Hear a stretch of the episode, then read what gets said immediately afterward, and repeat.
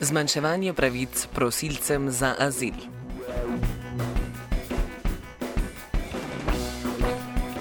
Državni zbor je včeraj sprejel novelo zakona o mednarodni zaščiti s 50 glasovi koalicijskih poslank in poslancev za in 34 opozicijskih poslank in poslancev proti.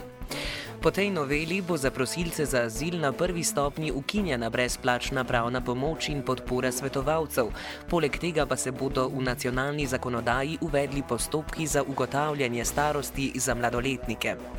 Namen slednjega ukrepa je prepričiti zlorabo odraslih prosilcev za mednarodno zaščito, ki se izdajajo za mladoletnike. Ukrep za zagotavljanje in ugotavljanje starosti mladoletnika brez spremstva v primeru dvoma v dejansko starost, po besedah državnega sekretarja na Ministrstvu za notranje zadeve Roberta Marolta, izhaja iz neobvezne določbe Evropske direktive. Rečeno na kratko, z novo novelo je Slovenija iz nadstandardne ureditve na tem področju znotraj Evropske unije stopila korak nazaj, torej na tisti minimum, ki ga zahteva Evropska unija.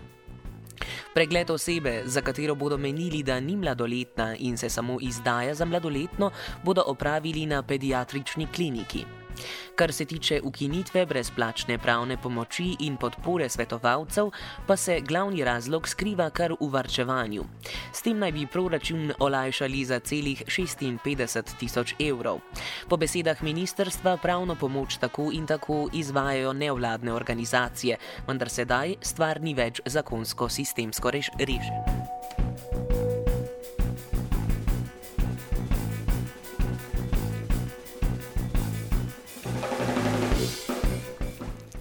Že res, da to opravljajo nevladne organizacije, če imajo denar, da izvajajo projekt, ki jim, ki jim ga večinsko dodeli Evropska unija, vendar to še ne pomeni, da je dobro, da se potem država kar umakne.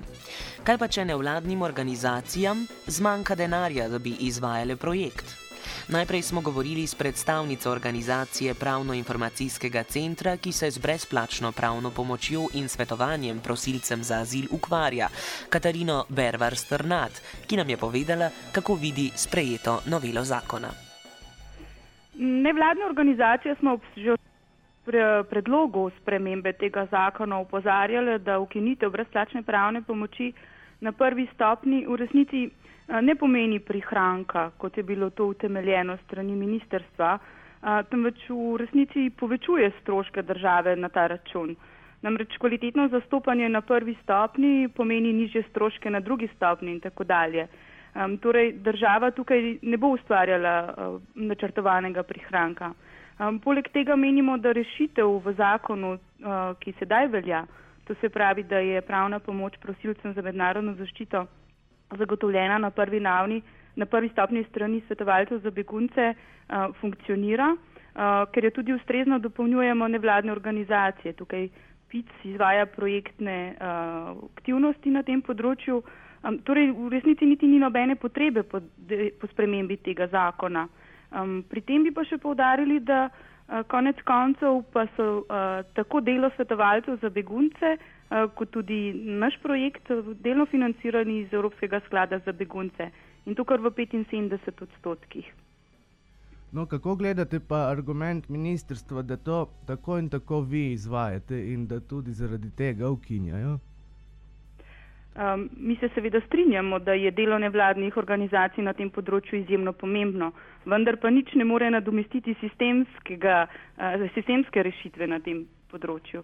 Torej, zakonska podlaga za delo svetovalcev za begunce na prvi stopni mora biti.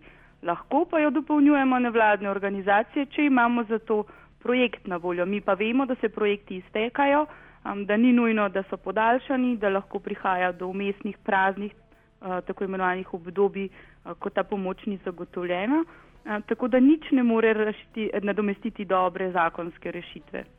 No, sej, ravno zato sem mislil, ker vi ste pač financirani po projektih in potem hipotetično, če vam zmanjka denarja in zakon, zakon je pač takšen, kot je potem. Pač... Potem ni nikogar, ki bi v tistem času nudil uh, brezplačno pravno pomoč tem ljudem.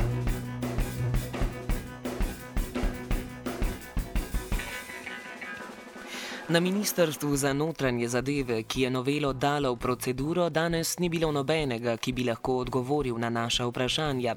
Smo pa govorili s poslanko državljanske liste Kristino Valenčič, ki je sodružno s svojimi kolegi novelo podprla. Več o tem, zakaj jo je podprla, nam je povedala sama. Torej, drži, v državljanski listi smo včeraj novelo zakona o mednarodni zaščiti potrdili. Zdaj, zakaj smo se tako odločili? Uh, Slovenija že ima učinkovit azilni sistem, ki nudi vsem prosilcem uh, visoko, tako socialno kot tudi pravno pomoč. In prepričani smo, da s temi zakonskimi spremembami tega ne zmanjšujemo. Zdaj, če ste me konkretno spraševali glede Eh, postopkov za ugotavljanje dejanskega, dejanske starosti prosilcev, pa tudi glede brezplačne eh, eh, pravne pomoči je naše mnenje sledeče. Kar se tiče postopkov za ugotavljanje dejanske starosti, je dejstvo, da se število teh prosilcev, ki se imajo za mladoletne, da iz leta v leto narašča in da imajo vse, že vse članice Evropske unije tudi ustrezne zakonske podlage za ugotavljanje dejanske starosti. Torej, mi smo prepričani, da je potrebno tudi pri nas to zakonsko urediti. Uh, moram povdariti, da zakonom ne uh, določamo ne metode, ne postopke, kako se bojo te stvari uh, izvajale.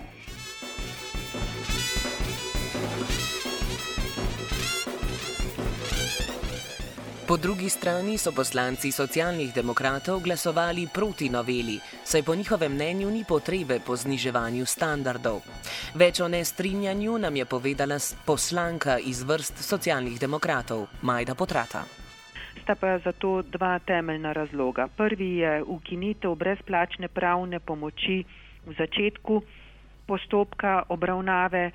Eh, osebe, ki zahteva mednarodno zaščito, ker se nam zdi, da je ravno na tej stopnji brezplačna pravna pomoč odločilnega pomena. Običajno namreč gre za neizobražene, neuke osebe v stiski in je prav, da dobijo tako pomoč eh, ne šele na drugi stopnji, ampak že kar na prvi.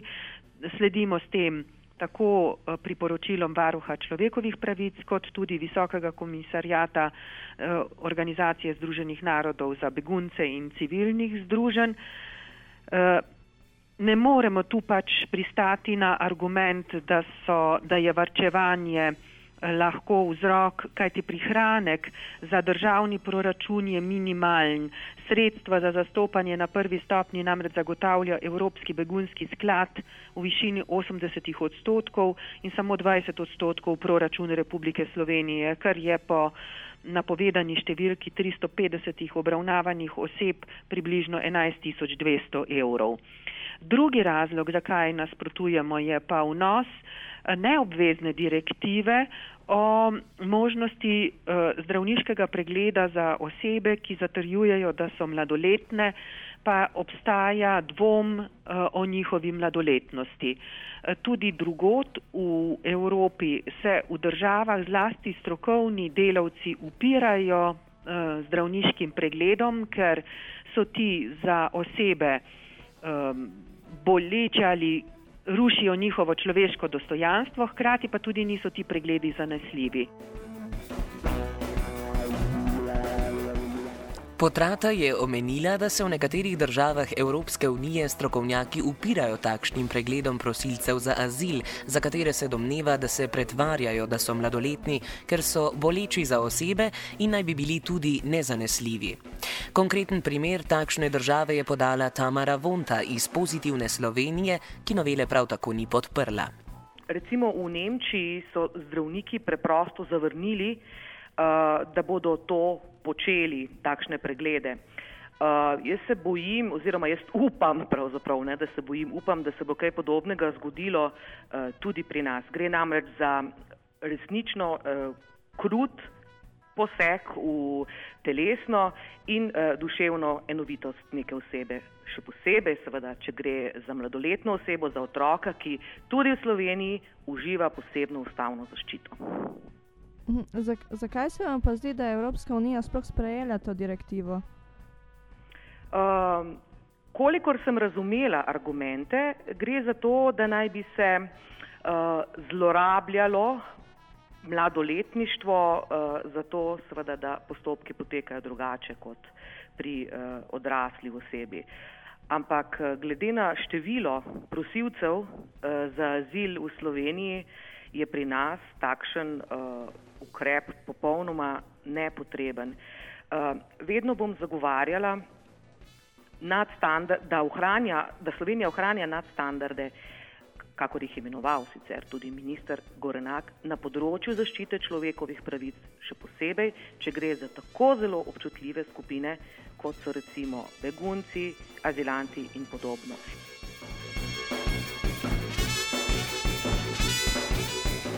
Potrata je dejala, da so predlagali amantma, ki bi pri pregledih ljudi, za katere sumijo, da niso mladoletni, zahteva multidisciplinarno obravnavo.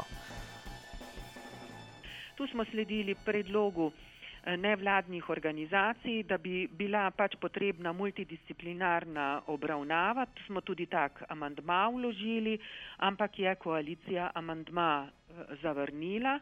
Še bolj nas pa moti, da zakon predvideva, zdravniške preglede tudi za tiste osebe, ki so že obravnavane. Eh, se pravi, da ne upošteva eh, uveljavitev eh, zdravniških pregledov po začetku veljavnosti zakona, ampak že za tekoče zadeve.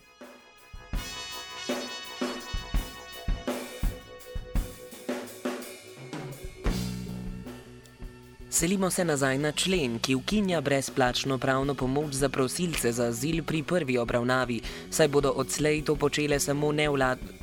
Saj bodo to odslej počnele samo nevladne organizacije. Kristina Valenčič iz državljanske liste, ki je predlog novele podprla, ukinitev podpira.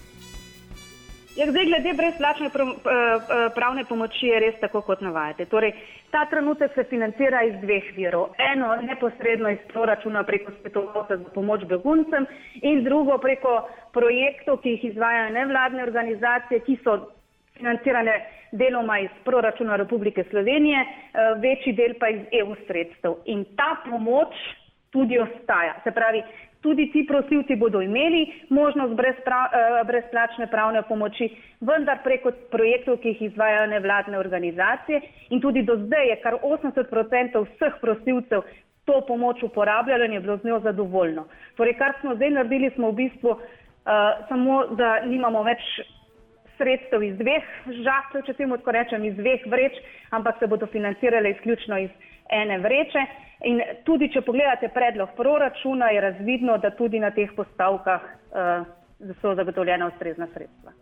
No, sam ugovori nevladnih organizacij, ki se s tem ukvarjajo, so pa sledeči, da to potem ni več sistemsko rešeno, ker tega ni več v zakonu in oni so odvisni od projektov in zdaj hipotetično od denarja, da izvajo projekt hipotetično propadajo, to ni sistemsko rešeno, potem ni več te pomoči ne, za, za begunce. Ja, res je, da v bistvu je zdaj brezplačna pravna pomoč vezana na vladne uh, organizacije, torej na projekte, ki se bodo izvali in da ti projekti so seveda imajo pač nek rok. Ampak, če pogledamo predlog proračuna za 2013 in 2014, ta sredstva, se pravi ta javna sredstva, so zagotovljena. Eh, tako da jaz sem prepričana, Slovenija se je že izkazala, tudi recimo v primeru vojne v Bosni in Hercegovini, uh, da znamo v takih primerjih ustrezno pristopati in tudi v nadalje uh, sem prepričana, da bo temu tako. Tudi če nimamo sistemske rešitve, kot temu pravite.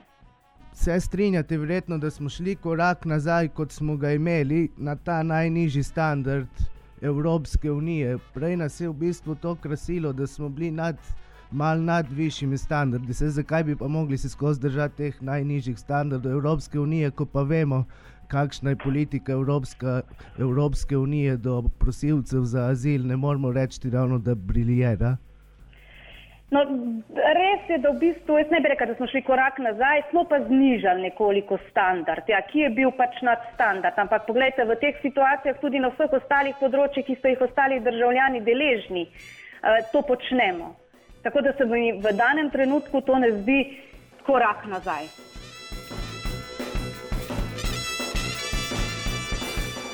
Valenčičevi se torej znižanje standardov prosilcev za azil pri prvi obravnavi ne zdi korak nazaj, medtem ko Vonta odločitev državljanske liste, da novelo podpre, obžaluje. Še prej pa je pokomentirala rezultat pri glasovanju o noveli zakona o mednarodni zaščiti. Spomnimo, 50 poslancev koalicije je glasovalo za znižanje standardov na tem področju. Vonta. Moram reči, da me rezultat oziroma razmerje glasu. Uh, na koncu ni presenetilo, čeprav sem vendarle uh, računala, da bo vsaj pri tem resnično zelo občutljivem vprašanju uh, državljanska lista glasovala drugače. In moram reči, da sem bila tokrat ne samo kot politik ali pa kot poslanka, predvsem pa kot človek zelo razočarana nad njihovo odločitvijo.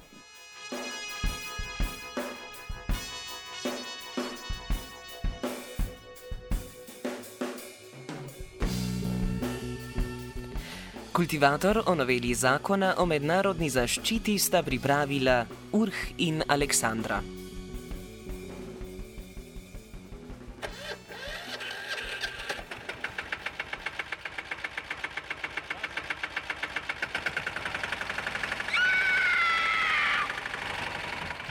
E, kaj pa je to?